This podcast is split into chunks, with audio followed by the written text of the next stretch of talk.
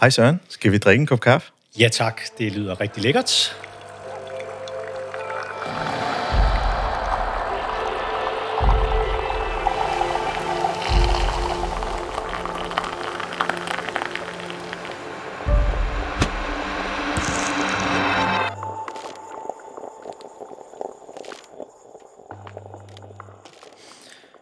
Velkommen til podcastprogrammet Kaffe og Ledelse. Mit navn er Ejhan Gomes, stifter af Mindcloud og er jeres podcastvært. Kampen om de unge medarbejdere er startet og bliver kun skærpet fremover. Den unge generation, som netop entrerer arbejdsmarkedet, er formet af andre strukturer og relationelle former end tidligere. De stiller andre krav til virksomhederne og lederne end bare for fem år siden. De unge bringer energi, passion og faglige kompetencer med sig ind på arbejdspladsen. De besidder en stor virkeløst, hvis du forstår at lede dem rigtigt. Men hvordan leder man de unge rigtigt? I dette afsnit kigger vi på rekrutteringsdelen i vores samtale om de unge, ved at undersøge fænomenet digitale indfødte, også kaldet Generation Z eller Boosters. Tidligere har vi kigget på de unge som en masse, hvilket gjorde samtalen meget bred og med lærerige erfaringer inden for et sygehusvæsen. Dette spændende og faktisk ret populær afsnit med Lotte hedder Ledelse og de unge på arbejde. Du kan jo lytte til det eventuelt ved lejlighed. Det er vigtigt at kigge på, hvilke transitioner en organisation bør gennemføre for at kunne rumme den nye generation. Lederen er den, der skaber det legitime rum for en ny forandring. Og derfor er det ikke uvæsentligt at tale om den personlige omstilling for en leder. Mange virksomheder forsøger sig med forskellige initiativer i forhold til rekruttering og fastholdelse – men generelt opleves opgaven svær og udmattende. Det er som om, at man skal som organisation præstere endnu mere for at tiltrække de unges opmærksomhed. Det gør opgaven omkring rekruttering meget betændt, og flere organisationer er i vildrede om, hvilke skridt der bør tages, hvis det ikke virker. Det handler om kommunikationstilgang og anvendelse af medier, men også med den vigtige forudsætning netop, hvilket menneskesyn man har i den organisation, man ønsker unge ansat. Selvfølgelig skal unge gøre oprør, som de altid har gjort i mange forskellige og mærkelige former. Men nu er det som om det ungdomlige oprør oftere og oftere degenererer til et regime af krænkelsesparathed, intolerance og indøjet vogueisme. Det skriver Søren Schulz Hansen, der er forfatter og erhvervsforsker, samt min gæst i dette afsnit. Søren har som den eneste i Danmark lavet empiriske studier af det digitale indfødte de sidste 14 år og i den forbindelse skrevet en række bøger om emnet. Velkommen til, Søren. Tak skal du have. øh, ja, vogisme. Det er sådan et nyt begreb, man hører mere og mere om. Og jeg kunne ikke lade være med at tage, kan man sige, et citat, der var så... Øh, ja, der var oprør i den. Der var noget, man kunne... Der var noget energi i den, som jeg lige tænkte, ah, det skal vi da lige tage. Mm-hmm. Øh, hvad tænkte du, da du skrev den? Jamen, jeg tænker faktisk, at vi har behov for øh, de unges oprør.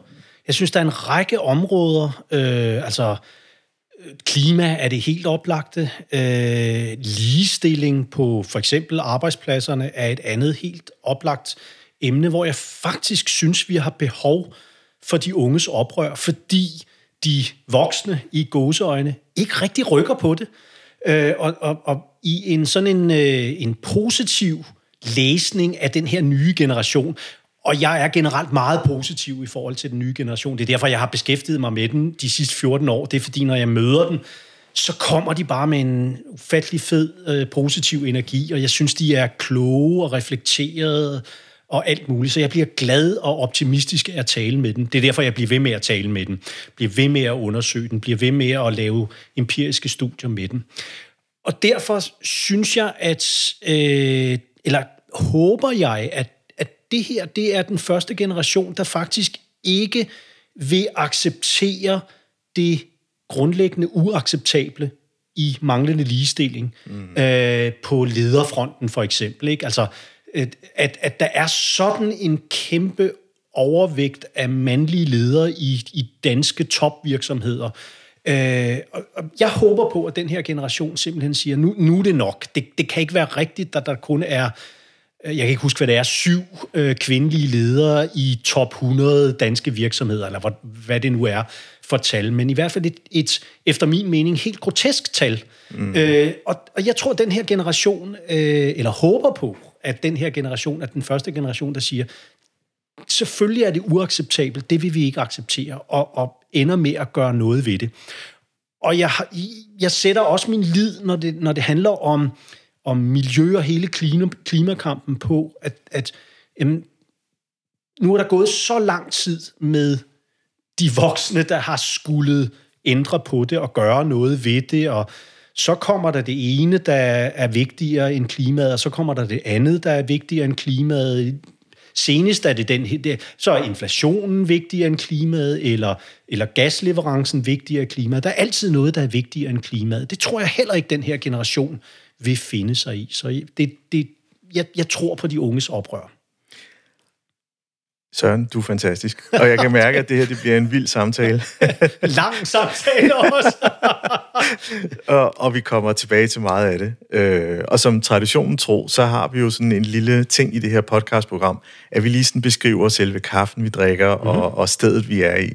Øh, og helt sådan exceptionelt i dag, og for første gang faktisk, så sidder vi øh, i Mindcloud-bygningen, øh, hvor vi sidder i nogle rigtig fine grønne sofaer, og, og, og fuldstændig skruet op for hyggen. Og, øh, og ja, så har jeg jo været den, der har budt øh, Søren på kaffe i dag, og så er det jo faktisk, øh, nu har jeg jo den opgave at fortælle, jamen, hvad er det så for en kaffe, vi drikker?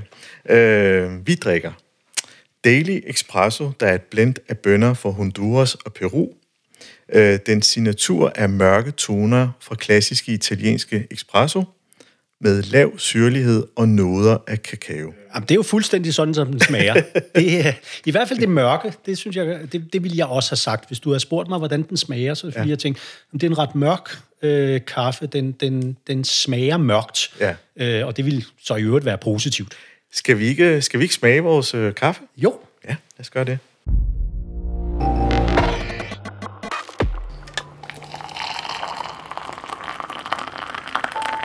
Den smager godt. Og det lyder godt, Søren. Tak. Det, vi skal tale om, det er det digitale indfødte. Mm-hmm.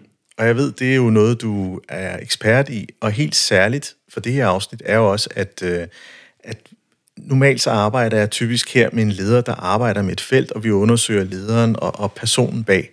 I det her tilfælde, der tænkte jeg, jamen i og med, at vi undersøgte fænomenet med Lotte i det tidligere afsnit, jamen så, øh, så kunne jeg jo mærke, at det er så stort et område, at vi brug for nogle specialister. Og så kom jeg i kontakt med dig, Søren. Mm-hmm. Digitale indfødte.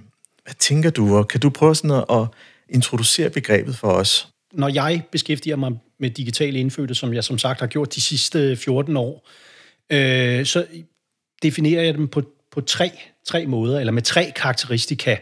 Det første karakteristikum ved den her generation af af digitale indfødte er, at det, det er de første, den første generation, som har levet hele livet med det moderne internet. Altså i den udgave, vi kender det med grafiske brugergrænseflader, HTTP-protokollen og mm. World Wide Web. Det kom der i midten af 90'erne. Øh, internettet havde eksisteret længere tid end det, men, men det, det var først der i midten af 90'erne, at, at hjemmesider øh, kom frem. Øh, den anden det andet karakteristikum ved den her generation er, at det også er den første generation, som har levet hele livet med, at mobiltelefonen er allemands eje. Øh, vi har kunnet tale sammen trådløst lang tid længere, men det er først der i midten af 90'erne, at øh, batteriteknologien bliver så avanceret, altså batterierne bliver så små og så billige, at vi begynder at kunne gå rundt med mobiltelefonen i lommen øh, alle sammen. Og så er der det tredje karakteristikum, og det handler om de sociale medier, fordi det er også den første generation, eller de ældste af de her digitale indfødte, er den første generation, som har været unge, som har været teenager øh, sammen med, samtidig med de sociale medier.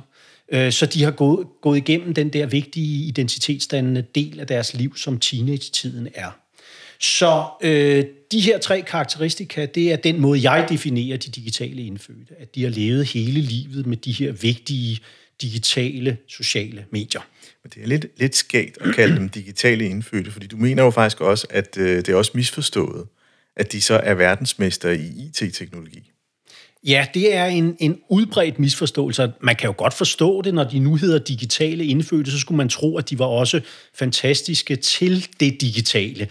Øh, og det er de ikke umiddel, eller det er de ikke nødvendigvis. Man kan sige, de har jo ikke, ligesom vi andre måske kan have, sådan en angst for det, eller sådan en, fremmedgjorthed over for det digitale. På godt og ondt, fordi mm. nogle gange er de også for naive i forhold til, at det digitale, netop fordi de har levet hele livet med det, så er det noget i gåseøjne og i, i mangel af bedre ord, så er det noget naturligt. Det er ikke noget med natur at gøre, men, men i mangel af bedre ord, mm. det er noget naturligt for dem. Øh, og derfor kaster de sig i måske i højere grad ud i det, øh, er ikke bange for, at uh, hvad sker der, hvis jeg kommer til at, at, at, at trykke på den her knap? Øh, kommer jeg så til at lave en eller anden fejl? Den, mm. den reservation har de mindre af, end måske øh, ældre generationer det, hvis vi netop tager det her med rekruttering, øh, så, er der, så er der nogle virksomheder derude, som faktisk øh, gør en dyd af det. Og det, det er der, hvor de typisk netop kun har unge mennesker.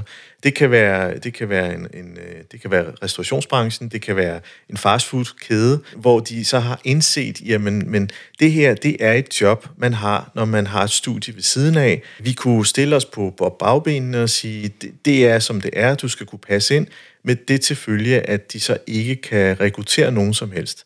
Eller omvendt, som, som en af kæderne har gjort, øh, jeg tror det var McDonald's, hvor de netop øh, siger, jamen vi anerkender, at, at du skal have et studie ved siden af, og, og vi stiller også rum til rådighed til, at du kan studere, og egentlig også laver, lægger en plan på, at man formodentlig nok skal videre øh, samtidig med. Og det er ikke en typisk traditionel virksomhedsmåde at tænke rekruttering på. Der, der håber man jo, at man kan have en medarbejder i nogle år, øh, og det gør sig jo ikke rigtigt til, til, ja, det er jo ikke en rigtig gyldig grund for unge mennesker i dag, eller er det? Altså som udgangspunkt øh, er der jo i hvert fald ingen tvivl om, at den her generation ikke kommer til at være 25 år eller 50 år det samme sted. Det kan man sige, det har ikke kun noget med det, at de digitale indfødte at gøre. Men det har også noget med det at være digitale indfødte at gøre. Øh, fordi den digitale verden, udover at den er en masse andre ting, så er det jo også en verden, som er ikke bare konstant foranderlig, mm. men konstant eksponentielt foranderlig. Og det vil sige, at de har levet med den her digitale verden hele livet, og en oplevelse af, at tingene, en oplevelse og en erfaring af, at tingene øh, skifter meget, meget hurtigt. Og hvis man lever i en verden, der skifter meget, meget hurtigt, så kan man sige, så er øh, det stabile for eksempel at være et sted mange, mange år, og, og endnu mere mærkeligt, at bestemme sig for på forhånd, at man skal være der mange år, og planlægge efter, at man skal være et bestemt sted mange år. Det kommer igen i mangel af bedre ord, ikke naturligt. Det naturlige er, at tingene skifter hurtigt, inklusive det, at man også forventer, at man skal være et andet sted om to år. Det kan godt være, at man ikke ender med at være et andet sted, men forventningen er i højere grad, at man skal være et sted, et andet sted øh, om to år. Mm. Øh, for eksempel McDonald's, som du nævner, som, som har været en del af, af nogle af mine tidligere studier, øh, peger netop på det der med at sige, jamen det bedste vi kan gøre for vores medarbejdere, det er faktisk at klæde den bedst muligt på til at komme videre. Og det er deres paradoxale fastholdelsesstrategi. Deres fastholdelsesstrategi går faktisk ud på at klæde vores unge så godt som muligt på til at komme et andet sted hen. Mm. Øh, og når det alligevel giver mening, så er det fordi, jeg kan se i mine studier, at noget af det, for eksempel i mine aller, aller seneste studier, som, som specifikt handler om, om rekruttering, så noget af det, man peger på, øh, eller de unge peger på, som noget af det aller, aller, aller vigtigste, når de skal beskrive deres drømmejob, og omvendt noget af det, der kan være den primære årsag til, at de ikke gider være et sted og blive ved med at være et sted, det er mangel på udvikling. Mm. Hvis der ikke sker noget nyt hele tiden, så gider jeg ikke være her, her længere. Og derfor giver det faktisk ret god mening at sige, at vi skal hele tiden udvikle på dig med den store risiko, at du bliver så god og så klog og så kompetencefyldt, at du faktisk forsvinder ud af virksomheden. Ja, ja. Men hvis jeg ikke gør det, som en, en, en, en HR-direktør i McDonald's faktisk sagde i, i de her studier, hvis vi ikke udvikler på vores, vores folk, så de bliver så gode, så de kommer et andet sted hen, så risikerer vi jo, at de bliver. Mm. Men at de kun bliver, fordi de ikke er blevet bedre. Mm. Og det er jo ikke særlig attraktivt, altså at have en, en, en medarbejder, der kun bliver i virksomheden, fordi han eller hun ikke har udviklet sig. Jeg, jeg, jeg kommer til, til at tænke på et citat fra, fra Richard Branson, mm-hmm. Virgin Airlines, tror jeg, blandt andet af mange mm-hmm. virksomheder, af mange ting, ja, ja, mange ting, han har lavet, hvor han netop siger, at, at, at øh, du skal kompetenceudvikle dine medarbejdere så meget, så de faktisk kan bestride et andet job, men vælger ikke at gøre det. Øh, ja. Og i det her tilfælde, der er det jo så, at man styrker dem så godt man kan, og faktisk gerne vil have, at de kommer videre. Fordi det, ja. det er jo, som du så fint sagde, det paradoxale rekrutteringspolitik, man har. Øh, og det er lidt interessant, fordi hvis vi overfører det til, til, til nogle af de områder i dag, hvor, hvor man netop har mangel på, på øh, altså unge mennesker, men i det hele taget faktisk mangel på ressourcer, og man har indset, at det er nok de unge, man skal gå efter. Øh, og der er mange, der slår sig på, at de ikke rigtig formår at få nogle ansøgninger ind. Og, og det kan jo handle om mange ting. Øh, I min verden, der, der, der har det også rigtig meget at, at gøre med, at man lige kigger i sin egen organisation og siger, hvordan er det, hvad, hvad er det for et syn og et værdigrundlag, vi, vi udsender til, til, til vores samfund og til også hermed øh, unge mennesker. Men du har jo også arbejdet med det i så mange år, så vi egentlig høre dit take på, øh, hvad du tænker, når man ligesom skal klæde en virksomhed på. Hvad skal de være opmærksomme på, når de, når de vil rekruttere?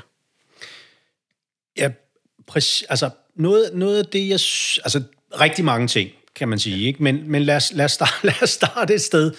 Øh, noget af det, jeg synes er, er, er meget sigende, som ikke specielt har noget med de unge at gøre, men måske alligevel betyder en lille smule mere for de unge, det er, at jobkommunikationen, det er jo de unges første møde med virksomheden. Det vil sige, hvis man i jobkommunikationen ikke kommunikerer autentisk, man, man, man skriver et eller andet med, du skal brænde for, eller vi brænder for at servicere vores kunder, oh, yeah. som i bedste fald er noget, øh, alle andre kunne have skrevet, og når jeg kigger på den research, jeg har lavet i forbindelse med de studier om rekruttering, bogstaveligt talt er noget, der står i mit bedste bud vil sige, halvdelen af alle de. Altså der står simpelthen, du skal brænde, eller vi brænder for. Så bliver det jo selvfølgelig ikke bare noget, alle siger, bogstaveligt talt. Det bliver jo en, den vildeste kliché. Mm. Og, og så, så forbryder man sig mod noget af det, de efterspørger allerede fra jobkommunikationen. Og selvfølgelig også, øh, som de efterspørger i et job, i et drømmejob, nemlig autenticiteten. Det er utrolig vigtigt, at allerede fra jobkommunikation, allerede fra jobannoncen, at, at man får en fornemmelse af, hvad er det for en virksomhed, det her, på en autentisk måde. Mm. Altså, hvad er det for en stemning, jeg kan forvente? Hvad er det for mennesker, jeg kommer til at møde? Øh, hvad er det for relationer, jeg har med mine kollegaer og mine nærmeste ledere? Øh, hvis man så allerede i jobkommunikation, i jobannoncen, ikke bare ikke er autentisk, men faktisk bruger de vildeste klichéer, som du skal brænde for dit job, mm. så risikerer man altså allerede fra jobkommunikationen at kommunikere, at vi er ikke en autentisk virksomhed. Nej. Og autenticitet er noget af det aller, aller vigtigste. Og det er det, som sagt, både når man taler om, øh, hvordan man gerne vil lede, så hvad er det for en type job, man gerne vil have, og det er også meget, meget vigtigt, sådan rent sprogligt, sådan rent kommunikativt, i en jobannonce eller i jobkommunikationen generelt. Mm. Så hvis man gerne vil skille sig ud, øh, og ikke bare være, man taler jo i, om, om mimesis, altså at man efterligner alle andre. Og jeg tror, der er en meget, meget stor grad, når jeg kigger på den kommunikation, der er på jobmarkedet til de unge, så tror jeg, der er en meget stor grad af mimesis, altså efterligning af, hvad de andre gør. Fordi så tror man, det virker. Men det har faktisk en modsatte virkning, nemlig at man ikke skiller sig ud allerede fra jobkommunikation, og derfor bliver man uautentisk allerede fra starten af. Så har man, så har man begyndt et dårligt sted.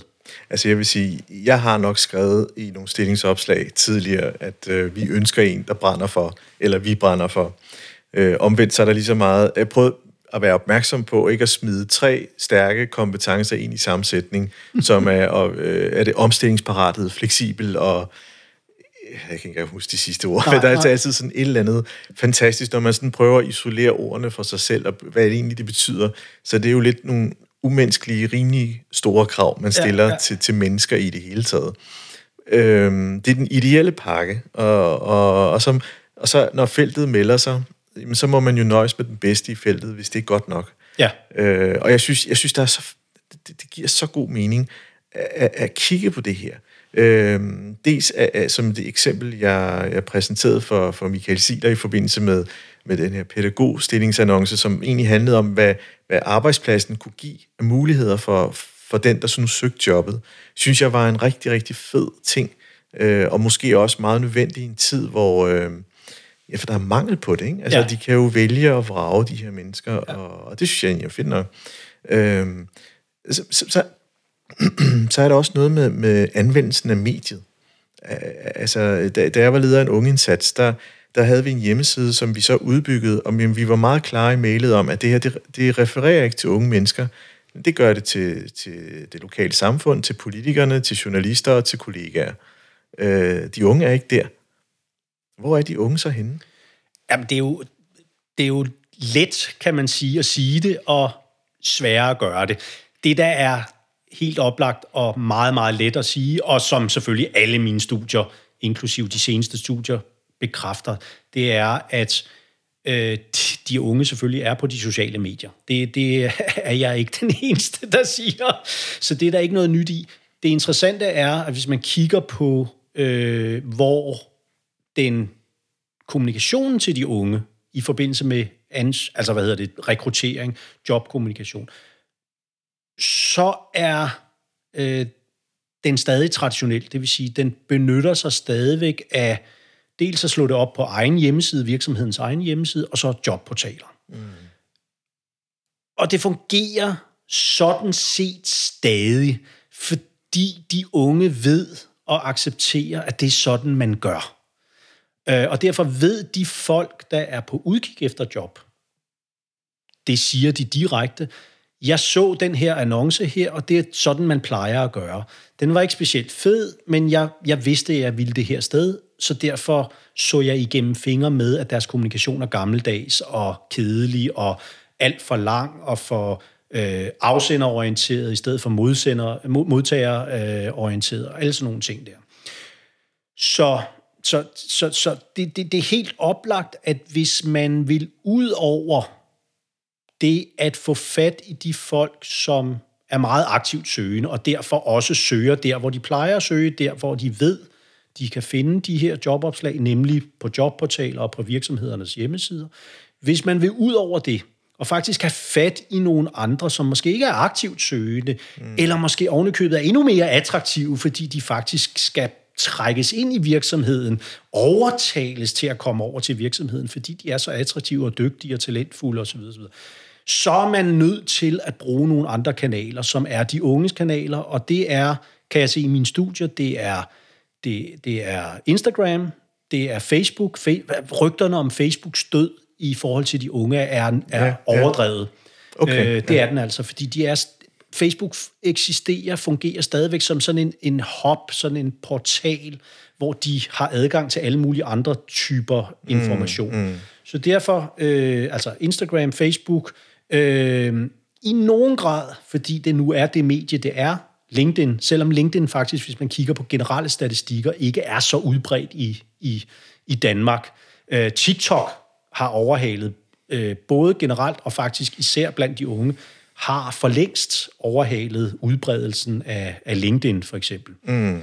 Og så øh, det, det, det fjerde medie, som ikke er til at komme uden om, i forbindelse med, hvis man vil nå de unge, også med, med rekrutteringskommunikation, det er YouTube. Og det handler meget om, at der, hvor virksomhederne også har kæmpe forbedringspotentialer i forhold til at nå de unge, det er i benyttelsen af video snarere end tekst. Ja øh, video som kanal, som digitale indfødte. øh, som vi, vi har indledt med at snakke om, så er det jo også en generation, der er øh, vokset op med, at medier er billedborgerne.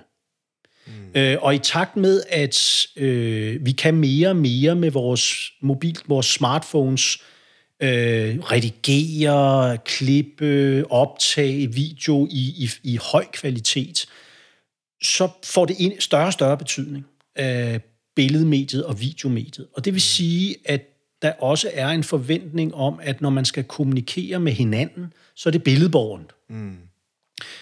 Og hvis man det skal, det skal man være opmærksom på som virks, virksomhed, at hvis man vil kommunikere på de unges præmisser, med de unges medier og med de unges formater, det kan man også lade være med. Altså mm. at sige, om det fungerer egentlig godt nok, som det er på den traditionelle måde, de, de, vi får dem, vi skal have.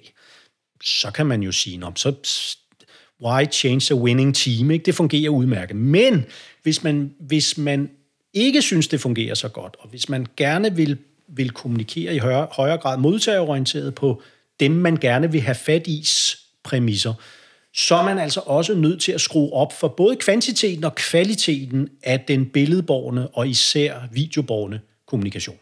Det, der optager mig, det er, man kan jo også tage fat i det her greb og sige, okay, vi skal have fat i den her målgruppe, vi skal have nogle folk, der kan lave en TikTok-video eller en YouTube-video, i forbindelse med at, at synliggøre, at vi, vi har et rekrutteringsbehov.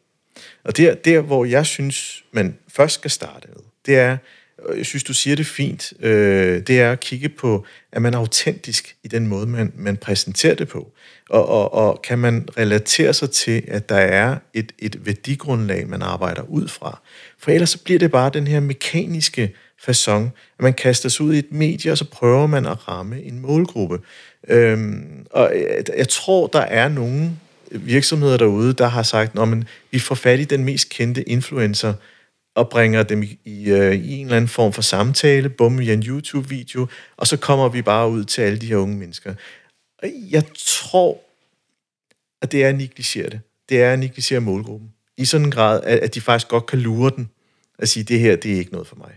Øh, det kan jeg øh, bekræfte, og ovenikøbet empirisk baseret, fordi lige præcis det der øh, har jeg et eksempel på i de, de, de seneste studier, som netop handler om employer branding og rekrutteringskommunikation. Mm. Lige præcis det, du fortæller der.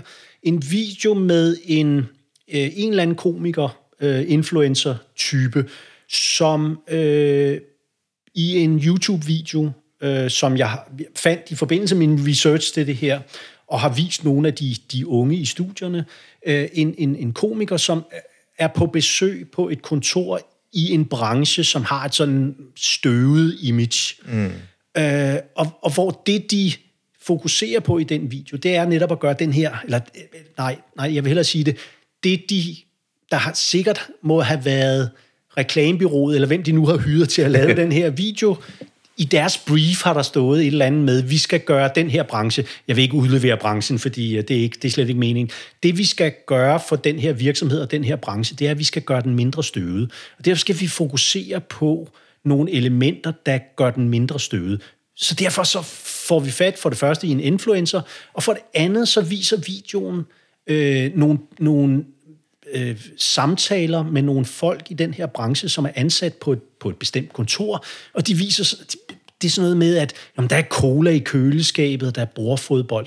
Og udover bordfodbolden, apropos klichéer, ikke, det er jo mm. bare klichéen på det der unge, dynamiske øh, øh, miljø, øh, som man, man, man krummer til, og det gør de unge altså også. Det kan de sagtens gennemskue. Jamen, jamen prøv lige at høre.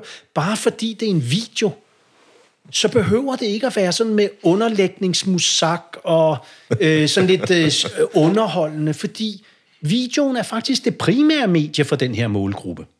Så de kan sagtens kapere, at videoen, den skal selvfølgelig være professionelt lavet, den skal være, man skal, man skal mene det, man skal gøre sig umage, men det at gøre sig umage med videomediet er ikke lige med. Det er ikke en til en, at det skal være sjovt, hurtigt, hurtigt klippet og alt sådan noget der de, de unge er ekstremt medievante, når det drejer sig om den, her, den her videokommunikation, den billedborne, den levende medier, fordi de har levet med det hele deres liv. Mm. Øh, der var et, et eksempel fra min, min studie, hvor en helt ung altså lige blevet student, havde fået sit første job, øh, og så så hun en video fra det sted, hun var blevet ansat, som netop var sådan en video, hvor, hvor man skal vise forskellige elementer af, af, hvor fedt det er at arbejde det her sted. Og den måde, de havde gjort det på, det var, at, at de havde sådan en bamse, som var deres, deres øh, maskot eller for, for den her virksomhed. Ja, ja. Øh, altså en tøjbamse. som, som, som de sådan øh, kastede, altså så kaster man den ud af billedet, og så kommer den ind i billedet i det næste klip. Mm. Øh, og så i det aller sidste klip, der kaster de bamsen ud af billedet, men den kommer ikke ind i det næste billede. Det er det, man kalder, når man, når man ved sådan noget der, så kalder man det en continuity-fejl. Mm. Fordi der bliver simpelthen ikke... Der, man, man skulle forvente, at, at, at bjørnen kommer, eller bamsen der kommer ind i det næste billede. Mm. Og den her 18-årige, helt, helt unge, lige blevet... Altså, det seneste, hun havde været, var gymnasieelev. Hun var lige blevet student. Hun havde fået sit første job. Hun slog benhårdt ned på det. Ja. Det der, det er bare tjusk det er bare dårligt produceret video, så er det en useriøs, øh, tjusket virksomhed, det her. Det, det giver bare et dårligt indtryk. Og jeg tror, det er fordi, eller i det her tilfælde, var det fordi sikkert, øh, at man bare ikke gjorde sig nok umage. Og det slår de altså benhårdt ned, med, for, øh, ned på, fordi de, de er så trænet i efterhånden ikke bare at konsumere øh, billeder og levende billeder, men faktisk også efterhånden at producere billeder selv. Altså fra, øh, når man, når man øh, er, er, laver nogle små videoer på TikTok, altså øh, øh, til at man bare sætter et filter på et billede. Eller, ikke? Altså man, man, man bliver faktisk også producenter. Inden vi går videre til, mm-hmm. så skal vi også huske at have den her slurk af vores ja. gode kaffe, så vi, træng, vi trænger til at gurle halsen, tror jeg.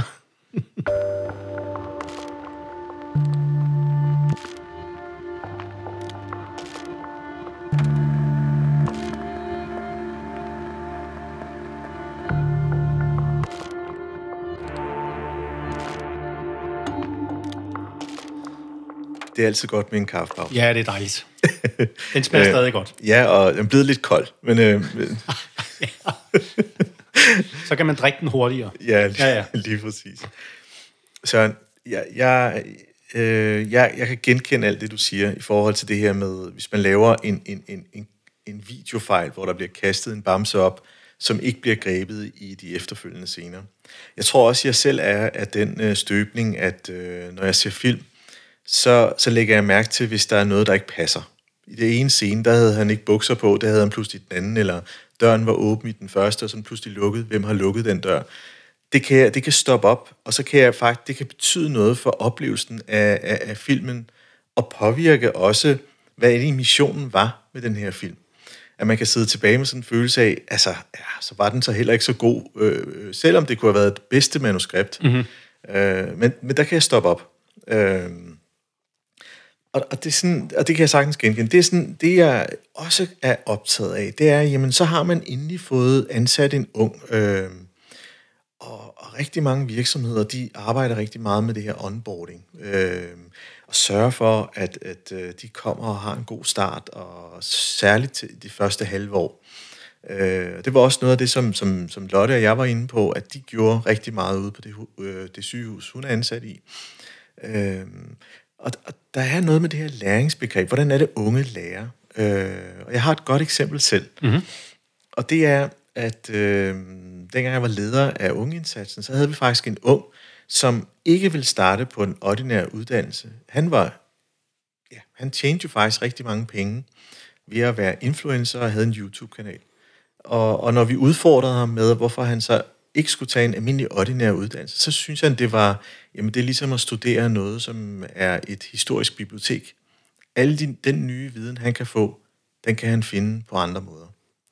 Så der er også et opgør her, altså om, om vores etablerede måde at sige, at gå i skole på og, og lave sidemandsoplæringer på virksomheden. Altså, er de ikke også under pres? Jo, faktisk ikke, hvis du kigger på, hvor mange der uddanner sig så skal man passe på, fordi du, jeg tror, du har fuldstændig ret, og der er et element af det der med, kan, kan man også se i forhold til uddannelserne. Nu bevæger vi sig igen over på et andet spor, men altså netop den der med, at man har uddannelsen som ekstremt silo-opdelt. Det danske uddannelsessystem er jo meget, meget silo-opdelt. Ja. 85 procent af dem, der tager en bachelor i et fag, fortsætter på overbygningen i, i, i nogenlunde samme fag. Øh, men men det, det er en helt anden diskussion. Men altså, flere unge uddanner sig jo rent faktisk, og, og går i virkeligheden imod den strømning, du, du taler om der. Mm. Nogle gange, og jeg synes, det er, det er blevet meget præsent i forhold til, når jeg snakker med unge om deres jobforventninger, og hvordan de netop føler sig velkommen, og hvilke ønsker de har til ikke bare drømmejobbet, men også det job, de lige har fået, mm. øh, når, jeg, når jeg har interviewet dem. Så synes jeg egentlig ikke, man skal undervurdere, at jamen, i virkeligheden er de unge også på mange måder helt almindelige. Altså, de har egentlig helt rimelige, stille og rolige krav til jobbet, øhm, som handler om, når vi taler om læring, at nu har de studeret øh, fem år, for eksempel hvis det er en videregående uddannelse, så har de studeret fem år.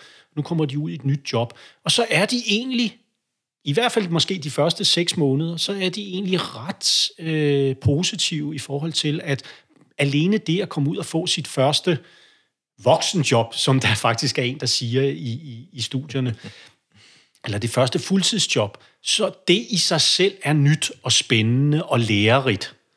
Mm. Øh, så derfor er de faktisk ret, øh, også ret øh, indstillet på læring, den læring, der er i at få et nyt job, et nyt spændende job. Øh, men det kan bare ikke holde ved, kan man sige. Mm. Øh, det kan man næst, måske netop holde ved de første seks måneder, at der er den der ny, nyhedens interesse. Øh, så, så selvom det er rigtigt, at de på mange måder også har det der, at jamen, der skal altså ske noget, mm. øh, fordi det er de vant til. Mm. De er vant til, at tingene sker hurtigt, for det gør det i en digital verden. Tingene forandrer sig hurtigt. Ja. Så er der, skal, man, skal man ikke lukke øjnene for, at, at men også i godsøjne bare skal gøre sig umage. Mm. Altså, at man, man, man møder nogle dygtige, unge, forventningsfulde, øh, flittige, altså, øh, som, som virkelig gerne vil ud og gøre en indsats på det, altså, som i virkeligheden er meget, meget indstillet på at arbejde meget, og øh, det, det, det er super spændende, det her. Øh, og så derfor har de også nogle krav til, at hvis de lægger så mange timer, så skal de også få noget ud af det. Jeg synes, vi, vi taler jo rigtig meget om, og, og det er der alt muligt god grund til, at den her generation er særlig, øh, fordi den netop er digitale indfødte. Jeg er jo selv med til at bringe ved til bålet, ikke? fordi jeg, jeg har skrevet om det stolper op og, og, og stolpe ned om, øh, at de har en særlig logik. Og som sagt, det synes jeg stadigvæk, man, man skal forstå den. Men jeg synes også, det er vigtigt at forstå, og som jeg synes, jeg kan se, når jeg taler med deres jobforventninger og deres drømmejob, at det i virkeligheden er en generation, som egentlig er ret nøjsomme også. At jeg synes ikke, det er urimelige krav, jeg møder fra de unge, når jeg taler med dem om deres jobforventninger og deres nuværende job, hvordan det er.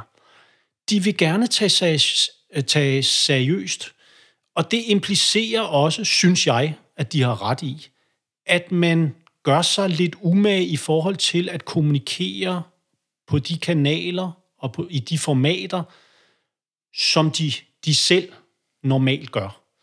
Øh, jeg øh, synes ikke, at det er urimelige krav at stille, at når man kommer som ny, så vil man gerne modtages af et autentisk sted, som gerne vil involvere sig i dem som mennesker.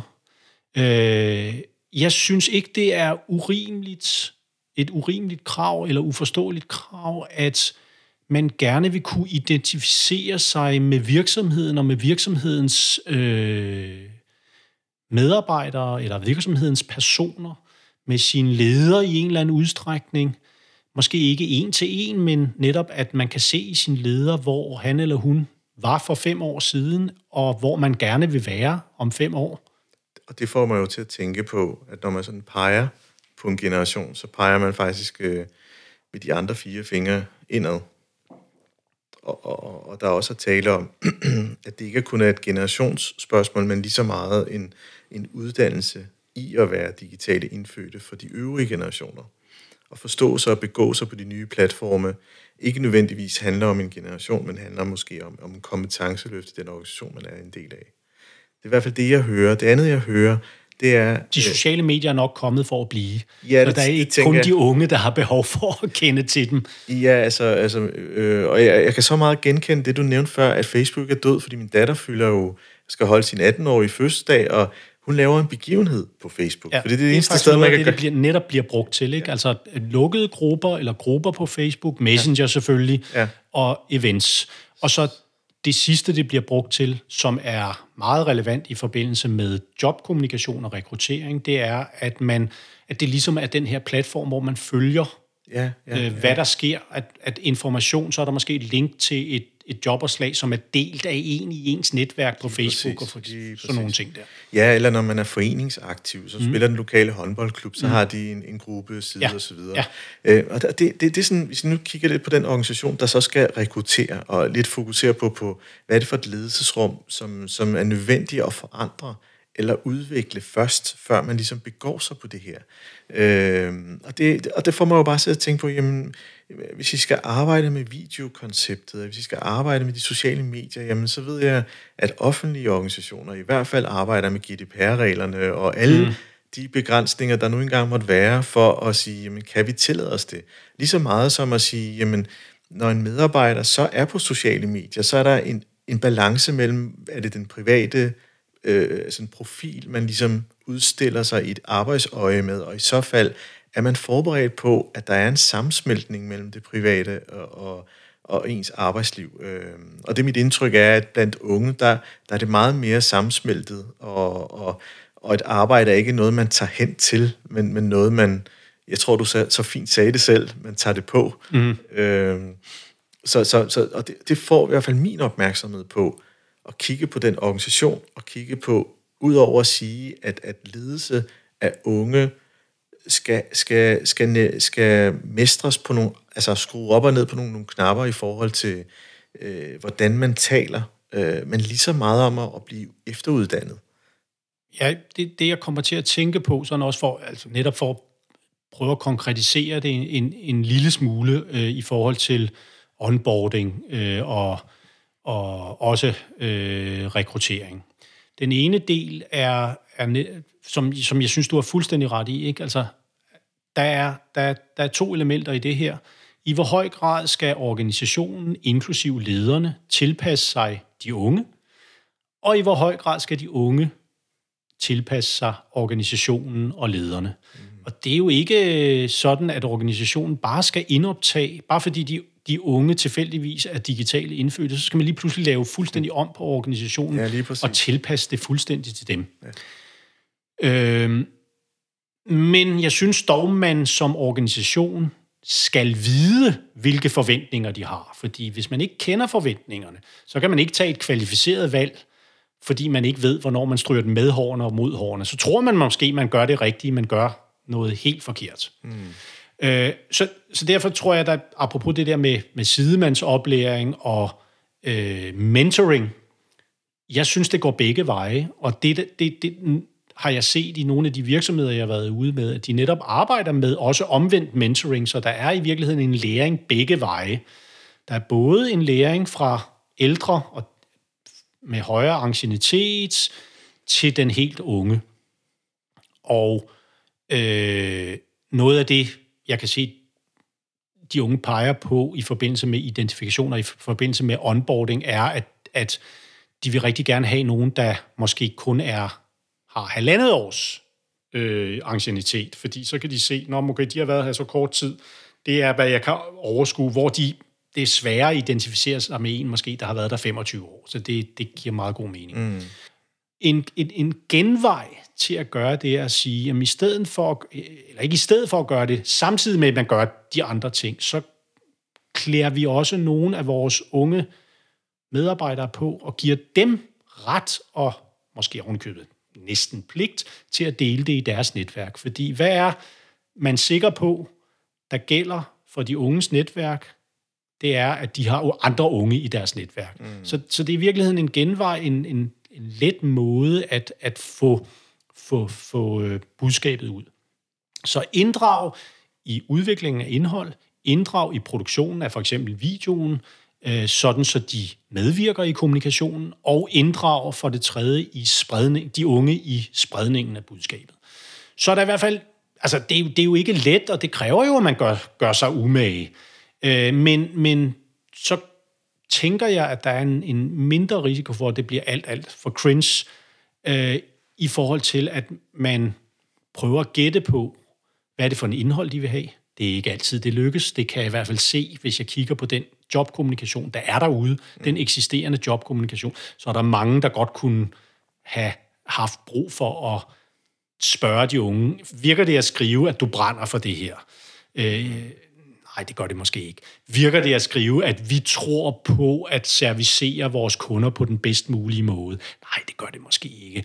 Virker det at skrive jobopgaver som sådan noget generelt med, at øh, i, i, det er fint, fint at gøre det i punktform, men, men altså, jo mere konkret opgaverne kan være, noget, noget af det, jeg, jeg plejer at, at, at anbefale, det er, at man faktisk siger, i stedet for at lave, ikke, igen, ikke nødvendigvis i stedet for, men, men som et vigtigt supplement til at en liste over jobopgaver, så hvorfor ikke komme med et konkret eksempel? Den første opgave, når du starter den første dag her, vil være den her. Ja, fordi det, det, det taler til, at man investerer tid til det her. Og øh, jeg kan sagtens huske, når, når man skulle rekruttere, så er det om at få den ud i æderen i en, i en helvedesfart, så man kunne få nogle ansøgninger, som man kunne nå at, at ansætte, fordi der var et driftsmæssigt øh, aspekt. Øh, det var den ene. Den anden ting er jo også, at, at øh, det stod ikke i stillingsopslaget, jeg skulle lave typisk sådan noget, så, så man også som arbejdsgiver sørger for at gardere sig fuldt ud. Altså mm. i hvert fald, det, det, det her det er inden for den skive, ja. som jobbet skal udføres i. Og det, du måske taler lidt mere til, det er, hvordan det vil blive oplevet, øh, og hele, lidt mere op, oplevelsesrettet første dagen, og, øh, og, og man skal sige, så må man finde ud af det hen ad vejen. Mm. Øh, det, er jo, det er jo helt klassisk, igen, det, det her har jo ikke kun noget med unge at gøre. Det handler om, at, at altså, er ens kommunikation afsenderorienteret eller modtagerorienteret. Ja. Og, og lige præcis det, du siger der, har jeg faktisk jeg kan ikke vide det, fordi jeg, jeg har jo ikke været med i produktionen af de her jobannoncer, men jeg har lige præcis, jeg har to fornemmelser, som de unge i øvrigt også deler, når jeg spørger dem. Og den ene fornemmelse er, at det er vigtigere i den her jobannonce, at man netop dækker det hele. Fordi så er man ligesom ryggen fri. Ikke? Man, skal, man, skal, man skal have det hele med. Øh, det er den ene ting. Og den anden ting øh, er, at man får lidt for ofte fornemmelsen af, at det her er bare en template. Det vil sige, at man har bare kopieret og udfyldt en eller anden template. Altså det er direkte mm noget, som de unge selv peger på. Man får den her fornemmelse af, at det her det er bare noget, der er... En, ja, lige præcis ordet template var der en, der brugte. Ikke? Det er en template, de bare har udfyldt. Og apropos det, jeg sagde for, for 10 minutter siden, nemlig, jamen det er jo ikke at tage den seriøst. Så kan man sige, at jamen, det skal være hurtigt, og vi, altså, der kan være alle mulige, og vi har, ikke, vi har ikke tid til at bruge al den tid på at, at, at skrive det. Der kan være alle mulige gode grunde til det. det. Det anerkender jeg fuldt ud. Man skal bare være opmærksom på, at det, der sker i den anden ende, er potentielt at det allerførste møde med ens virksomhed, selv dem, der så rent faktisk kommer ind og bliver rekrutteret, så vil det allerførste møde med den her person, den, som den her person har med virksomheden, være et møde, som risikerer i værste fald, og det her er altså, altså når man kigger på, hvad man, hvad, hvad, de jobannoncer, jeg har set, så er det ikke urealistisk, det er ikke, det er ikke et tænkt eksempel, det her så risikerer man altså at signalere, vi bruger egentlig ikke særlig meget tid på dig. Vi gør os egentlig ikke særlig meget umage, fordi vi kommunikerer hverken dit sprog eller dine kanaler, eller dine behov har vi ikke særlig meget fokus på. Øh, vi, vi gør os ikke engang så meget umage, så vi kommer ud over de tykkeste ordklichéer, papirklichéer, som at brænde for nogle ting. Mm. Og det synes jeg ikke er godt. Og det kan der være alle mulige grunde til, hvis man ikke har tid, eller råd, eller øh, ressourcer, eller kompetencer i virksomheden. Der kan være alle mulige gode grunde til det. Øh, og det er jo fair nok, men man skal i hvert fald vide, at risikoen er det, jeg så lige har gjort rede for. Og hvis man er på et marked, hvor man gerne vil, eller man, man skal kæmpe om de bedste, så er det i hvert fald ikke vejen dertil. Og der tror jeg også, vi skal til at runde af. Ja. jeg synes, vi har været meget rundt.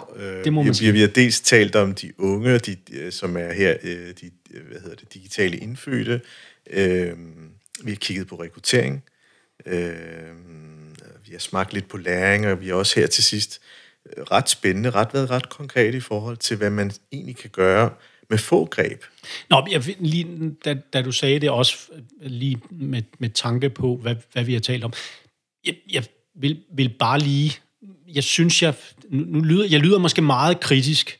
I virkeligheden kan man også vende det om til, at det er noget meget, meget positivt, nemlig at forbedringspotentialet er altså meget højt, og jeg tror faktisk ikke, at der skal så meget til for at gøre jobkommunikation og rekrutteringskommunikationen i forhold til de unge meget bedre. Mm. Øh, så, så det kan godt være, at det lyder lidt kritisk, og det synes jeg egentlig også godt, man kan tillade sig at være, men det betyder omvendt også, at, at frugterne er ret lavt hængende i forhold til at forbedre og gøre kommunikationen markant bedre, uden at ændre, altså uden at, at der skal ske en revolution i den måde, man kommunikerer på. Ja, altså i bund og grund, så siger du jo, at øh, hør nu på de unge, når I laver en onboarding-strategi.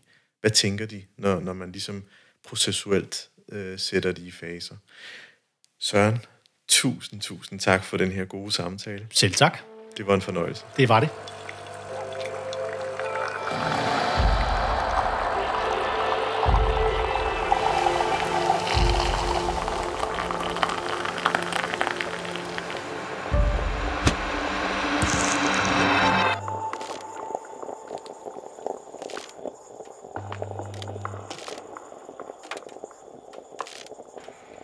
Lyttet til podcastprogrammet Kaffe og Ledelse. Ønsker du at lytte til flere afsnit? Gå ind på mindcloud.dk, hvor du har links til flere.